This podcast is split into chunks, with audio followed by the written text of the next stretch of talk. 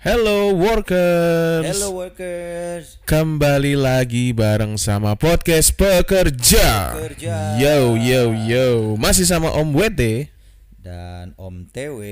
yang hari ini bakal ngobrol bareng sama workers semua seputar isu-isu terhangat dan segala macam yang berhubungan dengan dunia kantor. Dunia kerja, dunia kantor. Yes. Pokoknya semua para pejuang slip gaji nih ya, akan kita obrolin di sini. Berarti ini ya SGW. Apa tuh SG? Slip Gaji Warrior. Wih, kita punya istilah baru. Gaji warrior. Kita juga mau ucapin selamat datang buat workers yang baru bergabung sama kita ya. Oh iya benar-benar. Mungkin yang masih penasaran apa sih itu podcast pekerja bisa dengerin episode kita yang sebelumnya. Benar. Karena di situ sudah kita jelaskan dengan gamblang dan terang benderang apa sih podcast pekerja itu dan segmentasi kita menu-menunya ada apa aja. Iya, dan kita nih sekarang udah episode keempat ya. Kita sudah masuk episode yang keempat. Jadi yang penasaran sama episode 1 sampai 3 cek aja Betul. podcastnya. langsung klik aja episode yang sebelumnya. Jangan lupa untuk tetap support kita dengan follow, like, komen dan juga share supaya yang dengerin semakin banyak. Betul. Makin banyak kita makin semangat juga ngomongin kerjaan. Iya. Sebelum mulai, seperti biasa kita bertanya kabar Om TW apa kabarnya hari ini? Baik, Om WT baik. Habis sarapan. Wih, Eh, brunch brunch. brunch ya. Ya, eh. Mantap Brun- jiwa. brunchnya jam 3 sore. Pokoknya di mana itu makan pertama kali disebutnya sarapan gitu. ya. Bener. Nah kita pengen ngobrolin ya yang relate dengan kita aja lah ya. Kalau Om TW sendiri itu berarti kelahirannya range tahun berapa nih Om TW? 80. 80-an ya? Bener, 80. 80-an berarti masuknya generasi apa tuh? generasi nggak jelas gitu. karena memang kalau di banyak eh, sumber gitu Mhm. kan ya ada yang bilang eh, 80-an itu ikut generasi X ya gen X gitu Gen X ya. tapi ada yang juga menulis eh, ikutnya ke gen milenial Oh, bukan Gen Halilintar. waduh nama gua nggak masuk kayaknya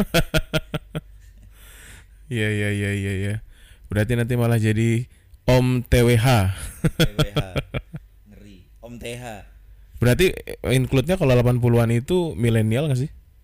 Eh ya makanya tadi tergantung baca literaturnya, Oke. baca source-nya. Jadi kalau mau apa namanya mau dianggap milenial ya tinggal ngikut yang Oh, ini ya. yang dibilang lebih muda. Mm, mm, mm.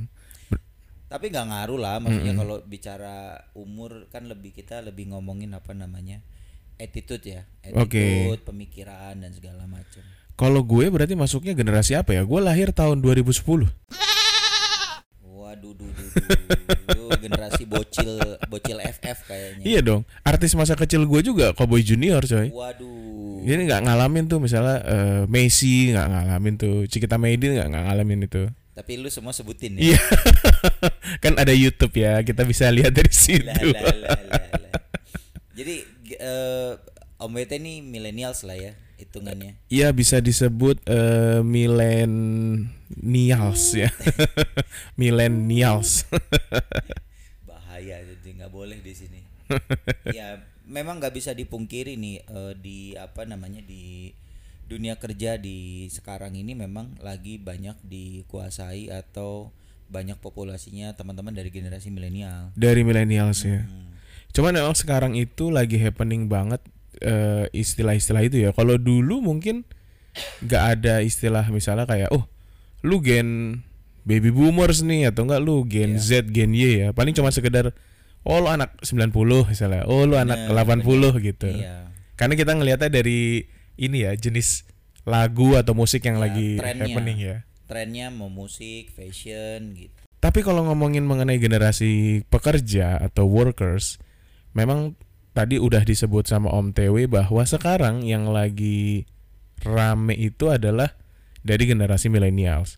Ya jelas lah karena rata-rata yang sekarang menguasai dunia kerja yang usianya lagi produktif itu yang usianya ya kurang lebih dari usia 25 sampai dengan 30 sampai dengan 40 itu ya memang kelahiran 90 sampai dengan 95 ya. Betul. Ya 80 sampai 95 lah. Itu generasi apa namanya? Generasi-generasi produktif sekarang ya. Bener. Tapi yang gue denger nih Om TW, katanya generasi milenial ini generasi yang unik nih.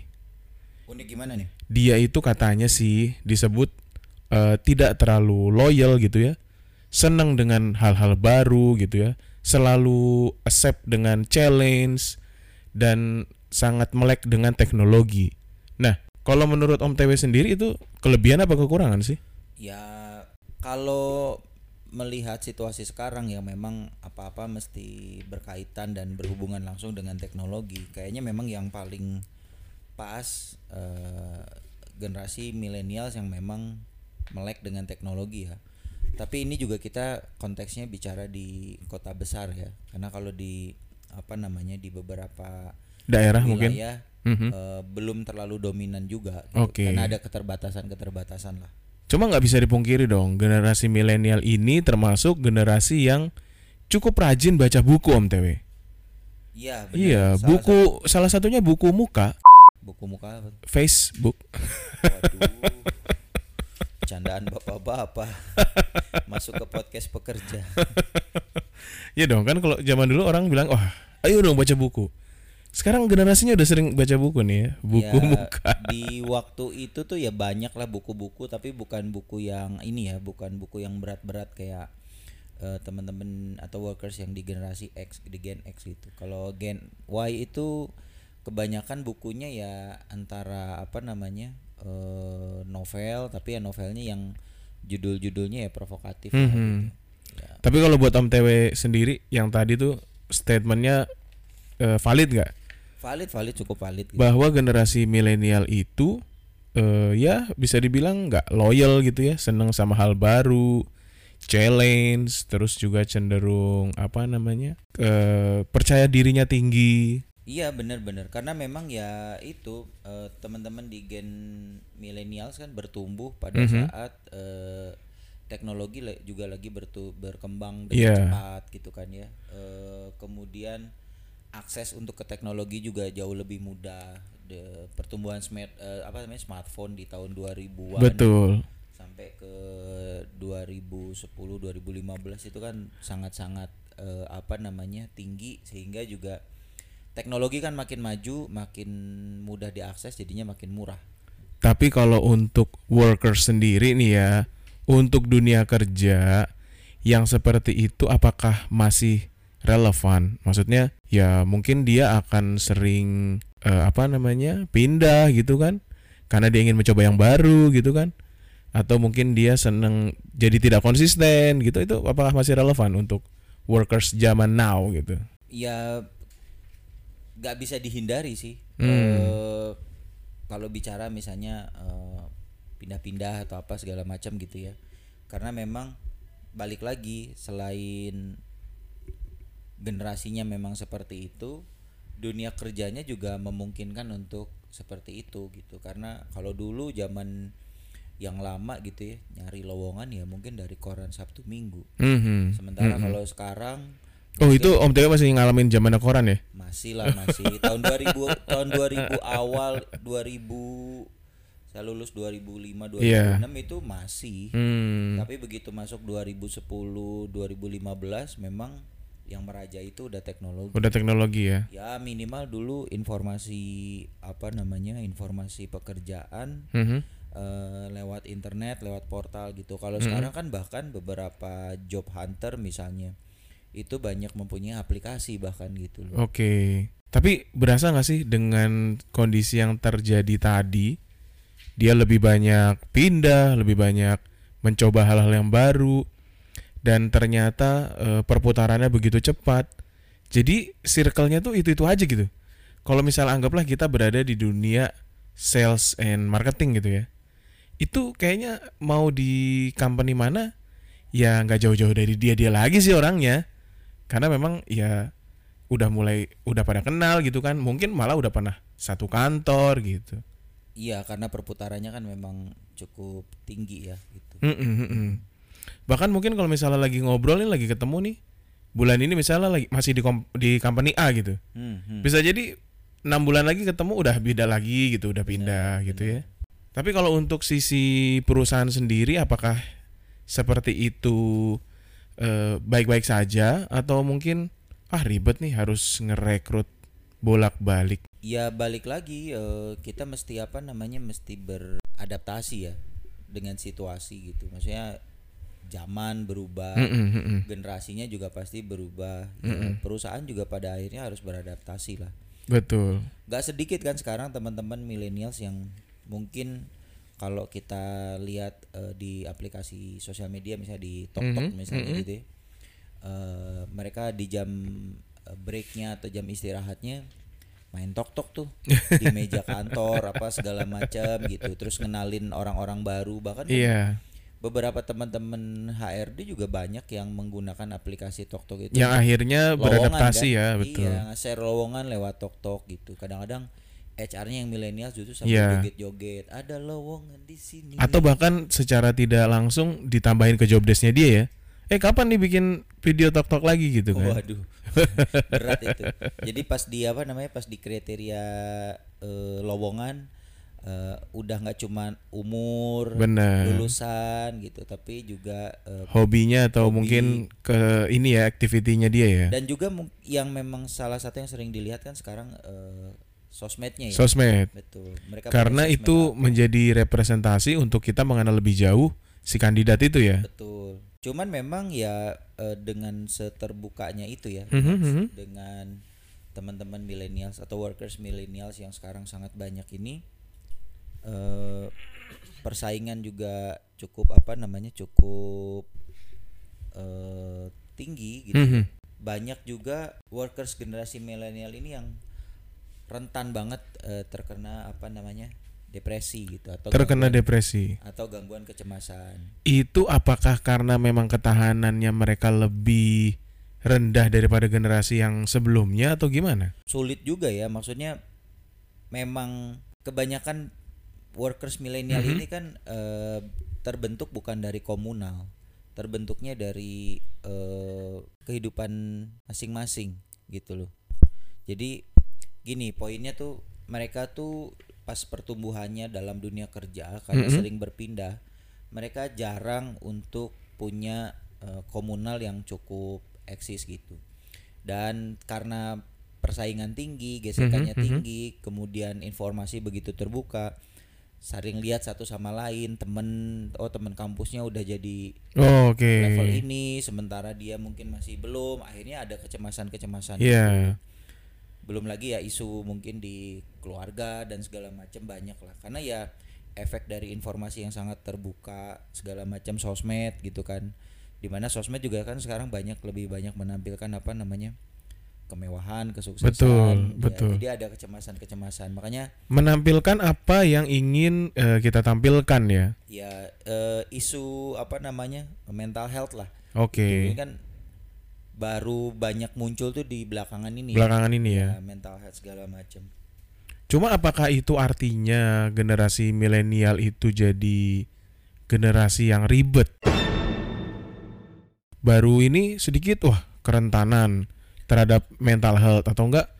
Wah ngelihat kawannya mungkin lebih oke daripada dia langsung insecure. Apakah itu membuat si milenial ini jadi generasi yang rumit atau jadi ah ngerepotin gitu? Eh, sebenarnya enggak sih. Enggak ya? kalau kalau pengalaman gua sendiri gitu ya eh, dengan generasi millennials di workers ya workers yang generasi millennials sebenarnya nggak perlu sampai seperti itu sih mereka ngerasa gitu. Yang penting memang ada semacam koneksi lah antara eh, leaders atau yang existing dengan yang Mhm, mhm. eh, teman-teman yang dari eh, workers generasi milenial ini gitu loh. atau mungkin memang mu- kalau generasi yang dulu berada di posisi milenial sekarang pun akan mengalami hal yang sama. Iya, memang gak bisa dihindari gitu. Perpindahan generasi itu pasti ada apa namanya? ada masa-masa transisi gitu. Hmm. Gue pun dulu masuk ya kalau gue sendiri mungkin karena tadi ya ada di Oke. eh, kelahiran dan rentang umur yang memang ada di tengah-tengah gitu. Jadi sekarang tuh kita banyak ngebahasnya adalah generasi sandwich gitu. Jadi kejepit atas bawah gitu. Di mana kita satu mesti surfing yang baby boomers Mhm. yang cenderung birokratif, cenderung pengen banget dihormati, Oke, karena dia juga rata-rata sudah senior ya. udah senior, udah ya levelnya udah tinggi-tinggi lah gitu kan ya.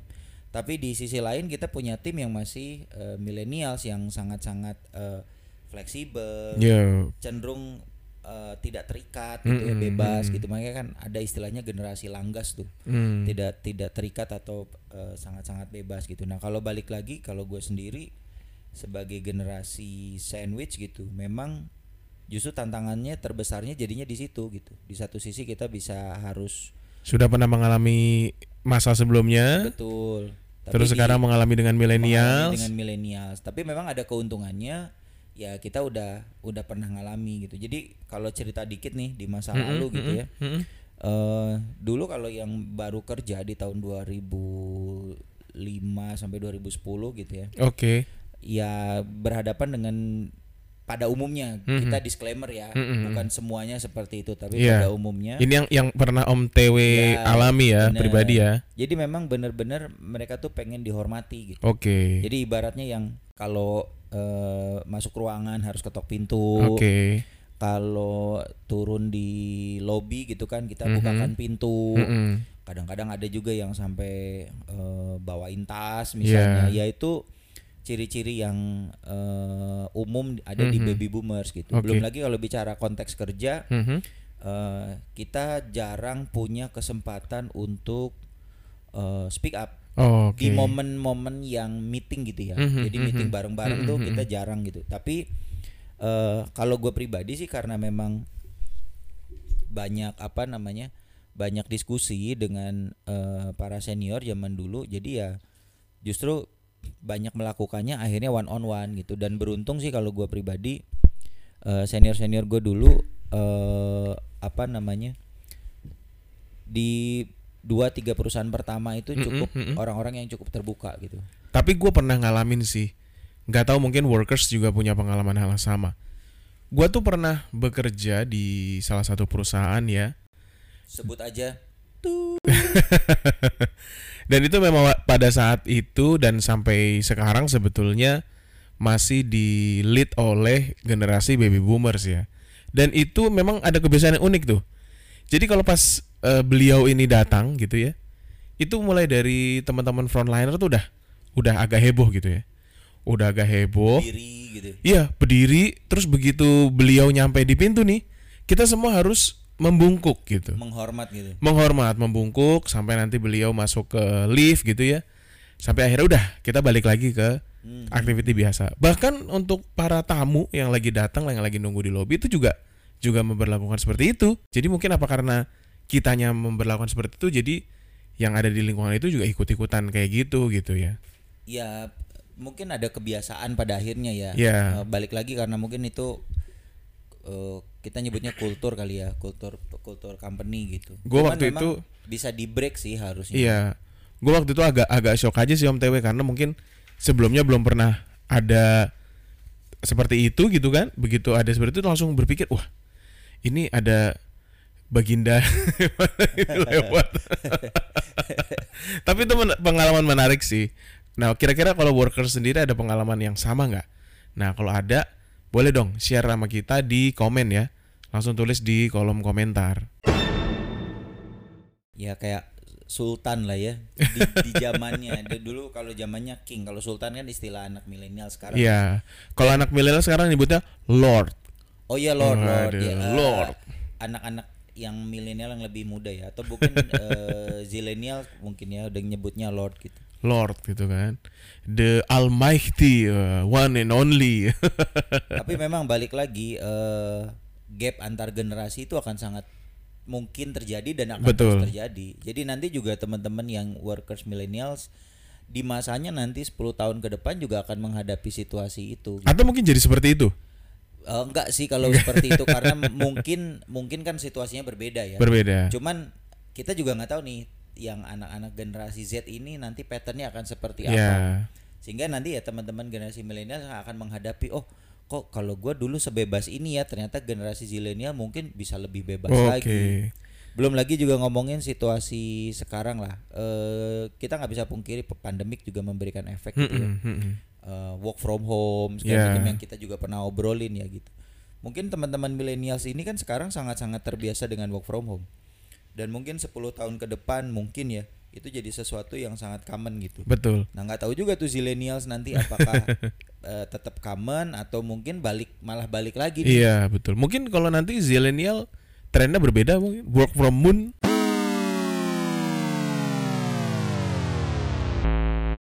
bisa atau mungkin mungkin ya Work Eh, from be- Mars gitu.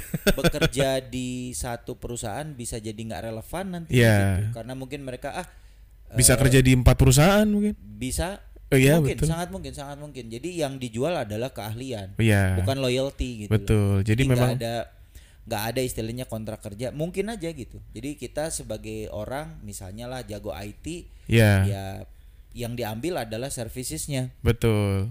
Dan itu bisa handle multi company ya. multi company project base kayak gitu-gitu Mm-mm. jadi ya balik lagi sebebas karena memang pengen sebebas itu gitu Nah, ini kita punya fakta-fakta yang berhubungan sama generasi milenial. Fakta yang pertama, generasi milenia- milenial itu sedang berada di usia produktif atau di usia 25 hingga 40 tahun. Iya Artinya mereka sedang mendekati dengan usia Produk- leader ya, Iya, leader betul. dari company gitu ya. Ya kalau sekarang kita berkaca di perusahaan gitu ya, kalau Mm-mm. kita lihat salah satu sosial media misalnya LinkedIn Mm-mm. gitu. Ya ini ada di rentang-rentang yang mulai dari eh, new entry, Betul. baru lulus, baru kerja gitu kan. Sampai juga ada beberapa yang mungkin sudah di level GM, CEO gitu ya. Eh, jadi memang eh, workers millennial itu millennial ini eh, lagi banyak menguasai eh, berbagai lini dan berbagai level gitu. Betul. Dan yang uniknya lagi dari millennials ya, kalau yang sebelumnya yang kita tahu mungkin kalau kita kan ingin jadi leader itu kita bisa memulai atau starting from scratch ya dari awal kita bekerja dulu gitu ya sampai nanti naik naik naik promosi sampai akhirnya menjadi leader. Kalau milenial ini sekarang ada yang suka breakthrough gitu. Mereka langsung bikin company sendiri Bener. dan langsung dikembangin sendiri Bener. sehingga nanti mereka sudah bisa jadi CEO bahkan di usia yang sangat-sangat muda. Ya karena banyak role model ya. Itu Mm-mm. banyak role model yang seperti itu di awalnya mungkin di luar negeri gitu ya. Betul. Eh, banyak lah eh, CEO CEO dari perusahaan teknologi segala Betul. macam eh, sehingga yang namanya startup mungkin sekarang pertumbuhannya luar biasa di Betul. negara kita dan makin besar lagi karena juga ada beberapa eh, success story dari startup-startup kita yang sekarang udah banyak yang besar-besar ya bahkan udah bergabung Dan masih sustain sampai sekarang ya. Ya bahkan ada yang bergabung, Mm-mm. ada yang lagi IPO dan segala macam. Jadi Iya. ya role modelnya mungkin seperti itu. Nah, tapi fakta yang kedua nih Om TW, meskipun millennials tadi sedang menuju ya ke usia eh, leader dari sebuah company ya, tapi ternyata tetap yang menguasai top management atau yang masih memiliki kekuasaan itu ada di generasi boomers. Boomer. Jadi mungkin yang generasi boomers yang memang sekarang sudah senior yang sudah Betul. lebih dahulu berkelut di bidang itu ternyata masih tetap yang memiliki kekuasaan paling tinggi. Ya nggak bisa dihindari sih, karena kan pengalaman, eh, apa namanya eh, umur, jam terbang gitu ya. Itu yang membuat eh, workers eh, boomers ini yang sekarang Secara persaingan dia ini ya. ya dia sudah eh, kalau dalam ini tuh dia udah masuk ke puncak rantai Benar. makanan lah gitu loh. Sudah saatnya memanen hasil yang sudah mereka tanam ya. Ya dan memang justru juga eh, mereka ini harus bersiap-siap juga untuk mengalihkan apa namanya tampuk pimpinannya gitu ke generasi yang lebih di bawah. Mm, mm, mm, mm. Cuma kalau misalnya dari yang tadi sudah kita bahas nih Om TW, Mhm. mulai dari millennials itu ada kemungkinan untuk bisa lebih bebas lagi, lalu lebih fleksibel lagi dan lebih tadi mungkin eh, ada pembahasan yang mengatakan bahwa bisa jadi nanti menghandlenya nggak satu company gitu ya bisa menghandle multi company Iya, mungkin. tidak lagi dari kontrak base atau PKWT gitu ya Mm, tapi mm, mm, sudah dari based on skill atau based on handling dari sebuah project Iya. Nah, itu apakah bisa dibilang eh, tidak terlalu cepat untuk sebuah generasi gitu? Artinya, begitu dia terlalu cepat untuk eh, apa namanya bisa mencapai ke situ, berarti akan lebih cepat juga dong dia akan merasa bosan, terus akhirnya berpindah lagi ke sesuatu yang baru, sehingga sustainability-nya juga tidak panjang, sehingga akhirnya malah jadi merubah hampir semua pola yang sudah ada, bukan sih? Iya, eh, kalau tadi misalnya gue sempat cerita yang eh, dulu di masa-masa baru kerja gitu.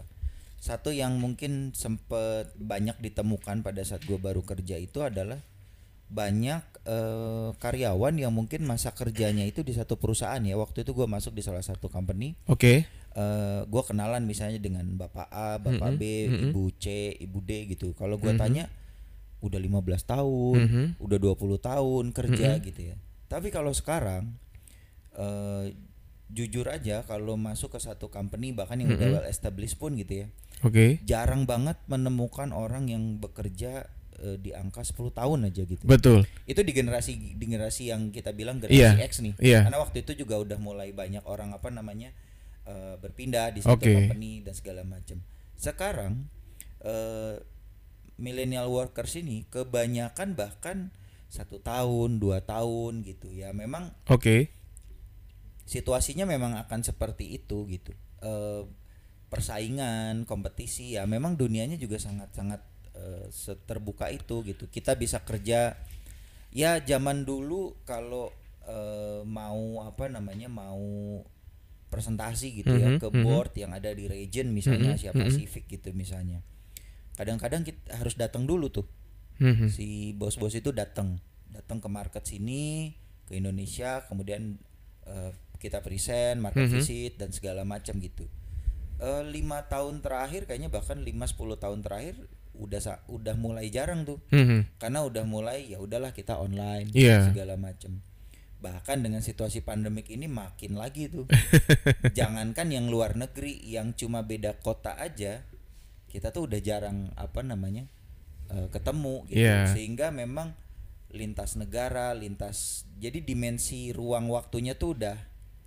udah nggak ada Betul. udah berkurang makanya Mhm. teman-teman milenial sini memang eh, mengalami situasi itu gitu mereka nggak ngalamin mungkin kedatangan eh, board yang dari Iya. eh, multinasional nih Betul. untuk untuk workers yang kerja di multinasional dulu tuh kita sering banget didatengin gitu nah sekarang mungkin cukup present lewat virtual Iya. gitu ya Mhm. Eh, kita kasih lihat video Mhm. eh, market visit dan segala macamnya itu yang membuat akhirnya juga eh, balik lagi tadi dunianya berubah cara bekerjanya berubah ya orangnya jadinya beradaptasi untuk eh, mengikuti trennya gitu dan Iya.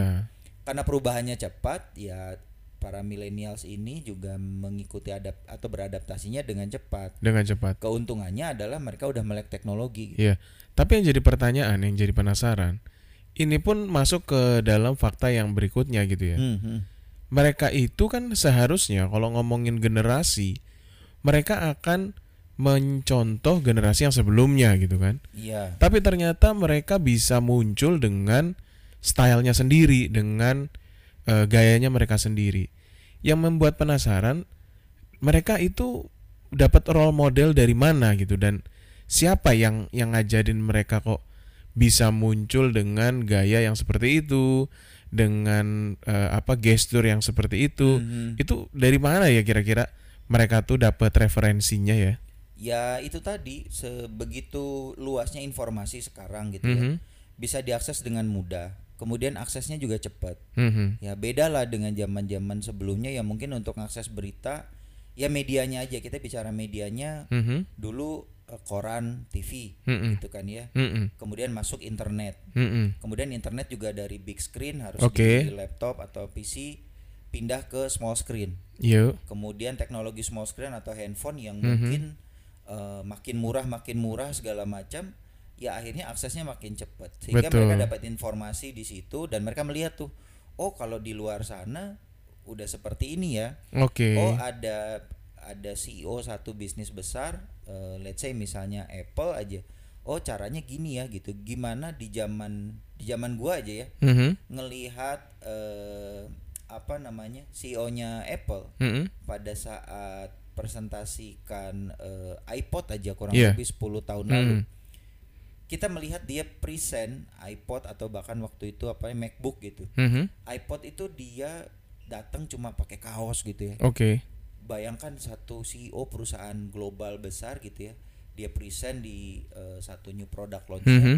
hanya pakai kaos Sedangkan itu kalau di common apa namanya eh, lingkungan ya itu jadi tidak umum ya. ya sementara di kita kan saat itu tuh lagi ke kantor kemejaan Pakai jas mungkin malah ya, blazer gua, gua gitu ya. ngalamin gua ngalamin di mana senior manager itu di kantor tuh harus pakai dasi Oke. gitu.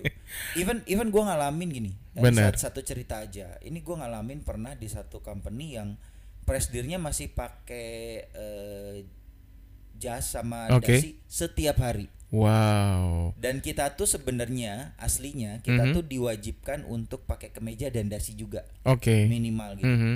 Cuman nah kebetulan gua orang baru masuk sementara gue datang dari company yang eh, waktu itu cukup free lah sebelumnya Mm-mm, gitu ya. mm-mm. Jadi ngantor juga eh, pakai kaos, pakai jeans gitu. Jadi Diperbolehkan ya. eh, eh, nah begitu masuk ke lingkungan itu ya gua akhirnya bawa kebiasaan lama itu tuh gitu. Balik lagi ke situ ya. Bener, Dan kebetulan ada teman-teman juga. Jadi waktu itu teman-teman yang baru-baru masuk itu yang satu eh, apa namanya eh, pakai anting, Mhm. yang cewek antingnya 8 Wah. di sebelah kiri nih gitu kan. Yang satu eh, cowok pakai anting juga terus Heeh. tatoan gitu Heeh. kan. Ya akhirnya untungnya sih ya, untungnya eh, kita punya presdir waktu itu sebenarnya umurnya waktu itu udah cukup eh, senior ya. Oke. Eh, umurnya 65 tahun dari salah satu negara di luar lah gitu. Mhm, mhm. Tapi akhirnya dia juga mulai berusaha untuk apa namanya? beradaptasi ya. Mhm. Jadi kebiasaan kalau director-director dulu tuh kalau sore-sore tuh dia keliling Mhm. masuk ke ruangan eh, Oke. anak buahnya, nanya gimana hari ini apa segala Ya. macam gitu. Keep kan. in touch ya. Keep in touch. Kalau yang dulu tuh kayak gitu tuh Mm-mm. didatengin satu-satu. Mm-mm. Nah, dia juga udah mulai mengurangi tuh. Jadi pertama-tama tuh dia jasnya dilepas. Mhm. Jadi dia pakai dasi aja Mm-mm, jalan mm-mm. gitu kan. Terus berikutnya tuh dia pakai jas dasi itu cuma hari tertentu. Oke. Sisanya pakai kemeja. Meja aja ya. Sampai hari Jumatnya dia akhirnya ikut pakai minimal tuh pakai polo shirt. Pakai polo shirt ya. Itu terjadi kurang lebih lima tahun lalu Oke. dan waktu itu si presdirnya mungkin umurnya udah 65 tahun. Wah. Sementara kita banyak orang baru di situ yang masuk ke senior level yang merubah itu gitu. Mhm, mhm. Ya gua aja ngalamin rambut gue di apa namanya di hair tattoo yang Wih. dibentuk-bentuk, di garis-garis gitu. Ditato bentuk apa waktu itu Om TW? Eh cuma jalan tol buat kutu aja sih. Ada tiga lah gitu. Itu waktu itu masih eh, apa bayar cash atau sudah pakai ini electronic money? Masih cash kayaknya.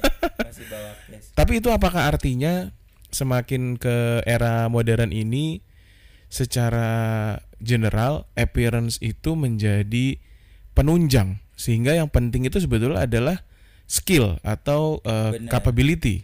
Iya, jadi eh jadi nggak matters lagi aja sih. Yes. Dulu ketemu orang mungkin harus rapi gitu ya. Be- mhm. Maksudnya rapi tuh meaning eh, Mhm. eh, kemeja dasi Oke. eh, minimal ya. Kalau mau lengkap pakai Mhm, jas misalnya mhm. gitu. Kalau ketemu bisnis partner dan segala Mhm, macam. mhm. Sekarang mungkin orang cukup eh, pakai kaos, tapi Mhm. luarnya pakai eh, apa namanya? Nyebutnya bukan eh, pakai kardigan lah. Oke. bukan pakai jas gitu. Sementara yang bekerja sekarang banyak lah teman-teman workers milenial yang datang ke kantor cukup pakai t-shirt, Mhm. eh, polo shirt gitu kan. Bahkan ada juga yang eh, tidak cukup umum lah gitu. Tapi memang gue juga pernah waktu itu bekerja di salah satu perusahaan yang dia eh, posisinya adalah mengutamakan skill dan juga kapabilitas. Hmm. Sehingga buat perusahaan itu pada saat itu dan sampai sekarang sebenarnya ya, appearance itu sebetulnya menjadi ciri khas kita. Bahkan waktu itu dia memberikan apa iklan gitu ya. secara role model perusahaannya itu ya karyawannya pakai seragamnya dia nih ada seragamnya kan tapi di situ ada misalnya ditunjukkan si karyawan itu ada yang nongol tato dikit gitu ya. Hmm, hmm, atau mungkin dia pakai piercing gitu ya pakai Iya, iya, piercing iya, gitu. iya, iya. sehingga di situ eh, apa namanya yang sudah diutamakan adalah si kemampuannya itu. Kemampuan, betul skill. Atau juga gue sempat berpikir seperti ini. Kalau dulu mungkin kita harus berpakaian rapi harus berpakaian yang apa eh, sangat lengkap gitu kan. Ya tujuannya kan adalah untuk membuat kita merasa percaya diri dan nyaman ya. Percaya diri sama dihargai sih. Betul. Karena nggak bisa dihindari lawan bicara kita tuh kadang-kadang melihat ah, dari kalau- penampilan kalau ya. yang datang misalnya pakai gimana ya akan diukur juga gitu. Mm-mm. tapi kayaknya sekarang udah nggak terlalu kayak gitu deh. Eh, mungkin lebih ke pergeseran definisi nyaman dan percaya diri tadi. Ya Kalau dulu mungkin kita pede dengan menggunakan eh, seragam lengkap tadi. Kalau sekarang kita pede dengan ya style kita gitu ya. bener As long as kita nyaman, terus juga ya itu juga terlihat pantas di kita. dan sebenarnya beberapa orang pun Mhm. kayaknya menyesuaikan gitu Ya. jadi misalnya eh, salah satu cerita lagi lah disclaimer ini cerita gue juga ya Mhm. Eh, kita pernah present ke salah satu perusahaan gitu Oke. ya dan kita presentnya ke CEO-nya langsung gitu Mhm. nah untungnya kita udah cukup mengenal dulu nih Iya. si bapak CEO ini gitu kan ya. Mhm. Mhm. dan memang beliau cukup eh, secara umur udah masuk boomers lah gitu tapi secara gestur attitude dan ideologinya gitu itu dia menurut kita tuh visioner dan millennials banget gitu Oke. makanya begitu kita lihat di sosmednya gitu kan oh dia kerja pakai kaos gitu kan pakai sepatu cats segala macam nah kita juga pede tuh pas Mhm. present kita semua datang pakai eh, ada yang cukup pakai kemeja biasa ada pakai Mhm. polo shirt ada yang pakai t-shirt sama eh, apa namanya outer fit gitu Mhm, pakai cardigan gitu Mhm. ya akhirnya nggak ada yang salah gitu jadi nggak awkward jadi pas pas meetingnya juga nggak ada yang awkward aduh kok gini gini enggak gitu karena semuanya udah udah udah dalam apa namanya dalam pattern yang sama dan ini memungkinkan sekarang Benar. ini gitu mudah gitu karena kalau dulu kan aduh mau ketemu si ini levelnya ini gitu wah mesti rapi gitu gua dulu di mobil tuh ya naro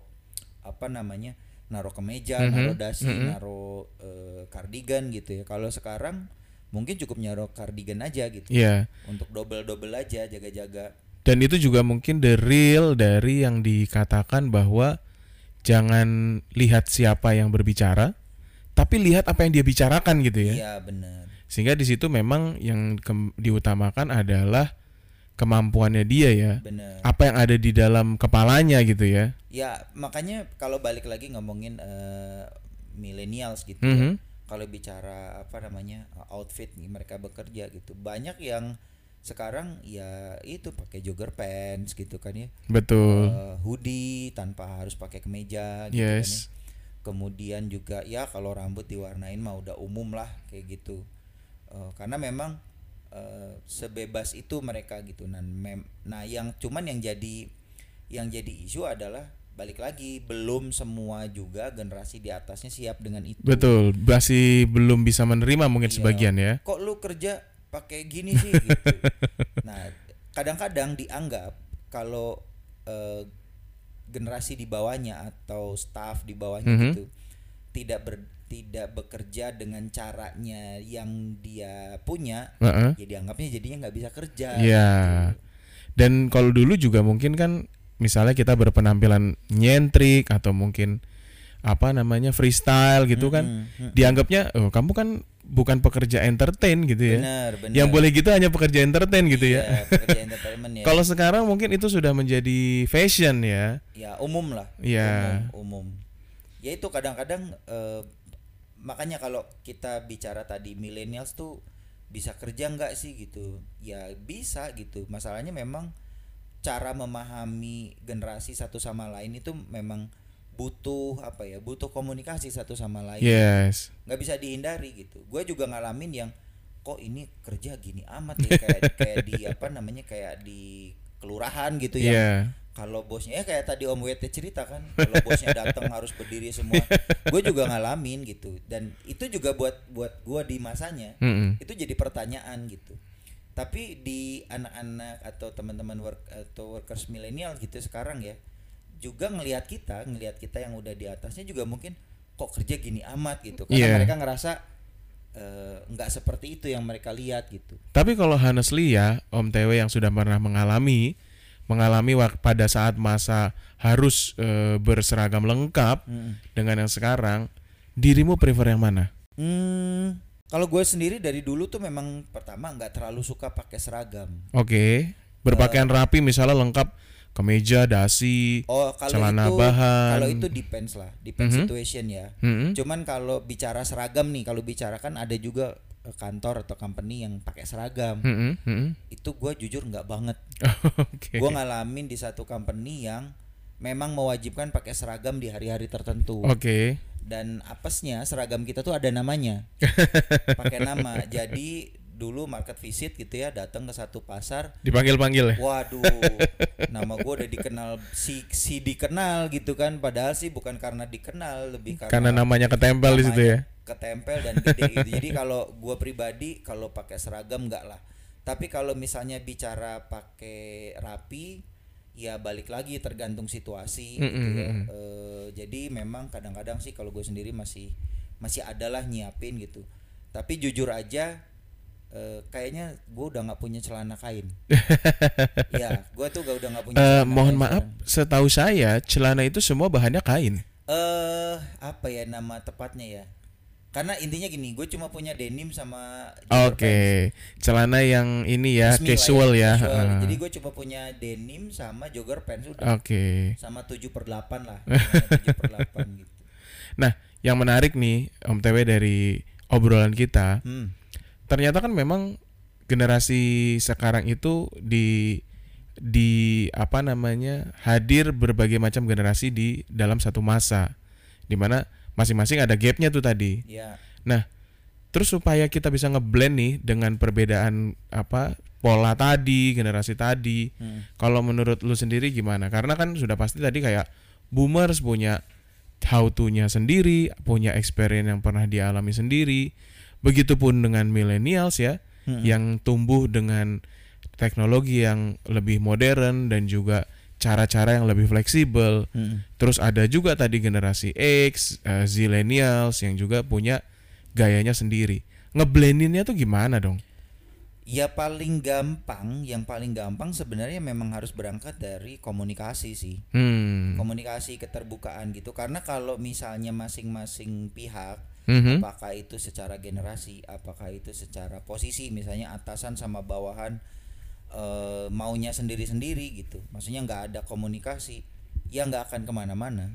Sehingga masing-masing yang eh, senior pun perlu membuka diri, Betul. yang junior pun perlu mawas diri ya. Mawas diri dan maksudnya ya tidak bisa dipungkiri yang senior itu punya pengalaman lebih. Bener. Jadi sangat tidak ada salahnya gitu untuk Benar. mendengarkan. Cuman mungkin yang lebih muda tuh oke Pak, pengalaman Bapak, Ibu seperti itu. Tapi situasinya sekarang berbeda. Nah, di situ harusnya ada kompromi tuh. Hmm. Karena memang yang kadang-kadang yang susah itu adalah berkompromi. Komunikasinya gampang, bisa dibangun gitu. Mungkin kadang-kadang mungkin dipaksa gitu ya. Tapi komprominya yang susah. Ya kalau bicara komunikasi, kalau bicara media sekarang jauh lebih enak. Mhm. Zaman gua dulu komunikasi cuma telepon. Eh, paling banter SMS. Iya, pager, pager. Aduh gua ngalamin maaf maaf maaf, maaf. Nggak setua itu. Tapi kalau misalnya ngomongin eh, platformnya misalnya, terus pindah ke zaman eh, BlackBerry gitu. Oke. Oh, BlackBerry- ngalamin ya BlackBerry ya? Ngalamin, Oke. ngalamin. BlackBerry di mana Berarti ada- ngalamin dong di ping ya di ping. Kalau sekarang di P ya. di P. P. Ya di di BlackBerry kan ada platform eh, BlackBerry Group gitu ya. Ya. Nah, di mana komunikasi itu udah mulai tuh eh, Mhm. terbuka itu. Jadi semua ditaruh di situ. Tapi Betul. memang zaman itu masih buat nagih kerjaan lah. Tapi kalau Om TW sendiri setuju nggak meskipun tadi how to-nya ada yang berbeda gitu ya, Hmm. style berbeda, tapi goals-nya tuh sama. Oh iya, iya. Meskipun sudah beda generasi, beda Benar. zaman, itu goalsnya masih tetap sama. makanya itu fungsinya leaders tuh. Oke. Harus megang. Makanya kayak tadi gua coba lanjutin dikit ya. Kayak zaman BlackBerry media komunikasinya lebih untuk nagih. Oke. Jadi bukan untuk diskusi gitu. Mhm. Nah, tapi kalau gua ngalamin sekarang di WhatsApp grup gitu ya, misalnya atau eh, platform-platform lain gitu. Tapi yang common WhatsApp grup lah. Mhm. Bahkan WhatsApp grup sekarang udah bisa buat video call meeting walaupun masih terbatas beberapa orang ya. Mhm. Di situ kan jadi platformnya jadi diskusi, Iya. bukan hanya untuk kalau gue inget banget lah zaman BlackBerry itu isinya tuh tagihan gitu. Mhm. Ini udah sampai mana? Ini udah sampai mana? Tapi Oke. kalau di WhatsApp harusnya sekarang udah bisa buat apa namanya eh, diskusi tuh Iya. Eh, meeting dari apa eh, WhatsApp segala macam harusnya ada bisa. Oke. Jadi ini tuh sebetulnya hanya soal dimensi waktu dan ruang yang bergerak gitu ya.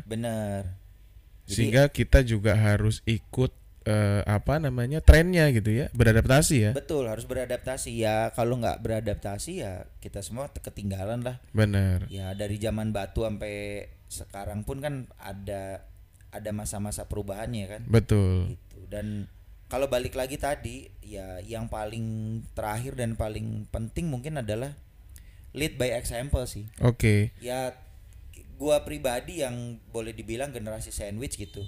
nggak kena diomongin, Mhm. nggak kena diomongin gitu. Mhm, Jadi mhm.